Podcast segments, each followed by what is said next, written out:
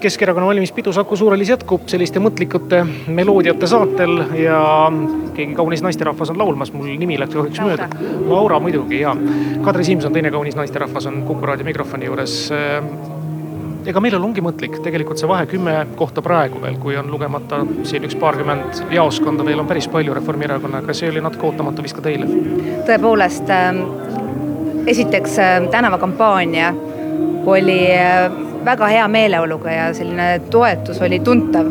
ja teiseks ka üks, ükski uuring ei näidanud seda vahet nii suurena, nagu see ähm, e-häälte selgudes tekkis ja mida on päris häältega väga raske järgi võtta no seda võis aimata, kui e-häälte aktiivsus oli sedavõrd suur juba, et eh, ju sealt on midagi koitmas ja tulemas ja huvitav küll, eh, see on kindlasti nüüd kampaaniameistritelt, mida õppida, sest et mina ei tea aktiivsemat nii-öelda päris tippu kuuluvat poliitikut, kui seda Jüri Ratas on, kes leiab aega käia mööda tripikodasid, jagada šokolaadi, olgugi et see on nüüd tulnud selliseks pahaks metafooriks ja rongis suhelda inimestega vahetul kontaktsel pinnal ometi on nii läinud, et Jüri Ratas on praegu juba üle kümne tuhande häälega kaotamas isiklikult ka Kaja Kallasele.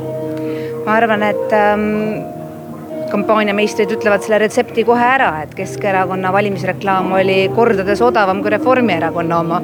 iga väike televaataja sai oma silmaga näha ühes reklaamipausis kolme Reformierakonna reklaami ja mitte ühtegi Keskerakonna reklaami ja kui palju nüüd ikkagi see, et valitsusvastutust kandes tuli vastu võtta neid igasuguseid hoope igasuguste tehtud otsuste eest, eeskätt siin maksuotsuste eest? ma tegelikult arvan, et äh, valitsusvastutust kandes ähm, saime me väga paljudele inimestele omasemaks, kui me varem olime et Eesti inimestes äh, mitte kõik ei taha alati kritiseerida ja olla rahulolematud, kuigi ka sellel äh, nišil on ähm, noh, selge tarbijaskond. Ähm, ma ise tean, et nendel valimistel said keskerakondlased toetust inimestelt, kes kunagi elus varem ei ole Keskerakonna poolt hääletanud. järelikult siis mõned meie hääled läksid, läksid ikkagi nendele, kes, kes on elukutselised opositsionäärid mis te arvate, kas te pigemini kaotasite valijaid Reformierakonnale või EKRE-le? Tulles Pärnumaalt, siis loomulikult ähm, EKRE-le, aga ähm, Reformierakond pigem siis võttis kõigilt teistelt, ähm, kellest nii mõnigi ei tulnudki üle künnise.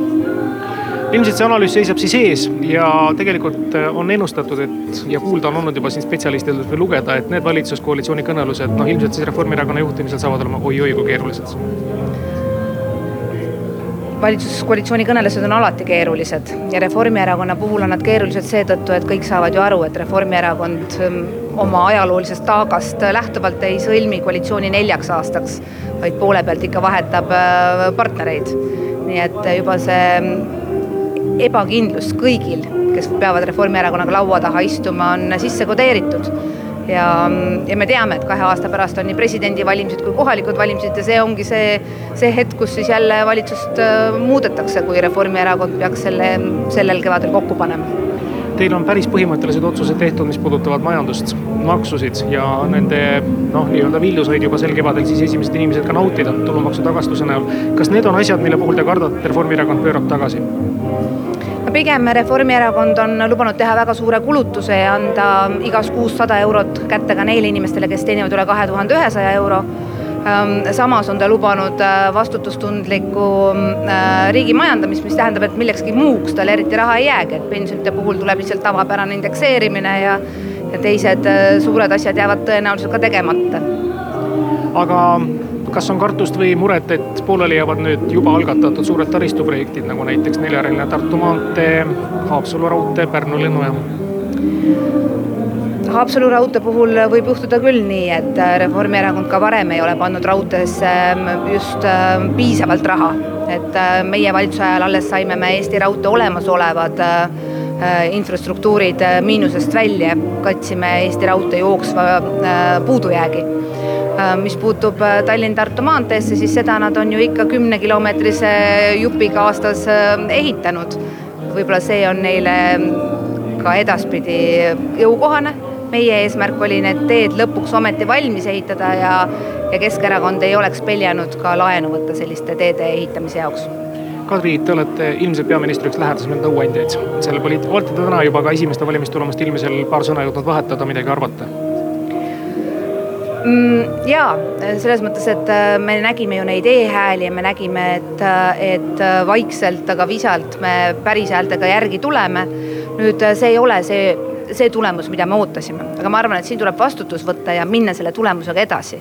et ei saa, ei saa öelda, et tehku nüüd keegi teine paremini, et nüüd on ees päris rasked ajad ja minu nõuanne peaministrile ja erakonna esimehele on see, et erakond vajab tegusat juhti ka päev peale valimisi ja kuu peale valimisi ja terve aasta kuni järgmise korralise kongressini.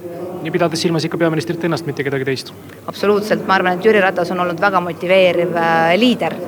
Ähm, ta on pannud meie meeskonna tööle nii, nagu me kunagi varem pole töötanud ja ja eks ähm, hinnangu talle annab ka see, et ähm, ta oli kogu Eestis kõige populaarsem peaministrikandidaat. kahjuks või õnneks valis ta endale kõige raskema valimisringkonna. Keskerakond pole kunagi Harjumaal inimesi nii hästi kõnetanud kui Reformierakond, sest Harjumaa kannab ju auga kuldse ringi nimetust. aitäh, Kadri Simson ja eks siin viimaste valimiste tulemuste selguseni on veel natukene aega, pidage vastu. aitäh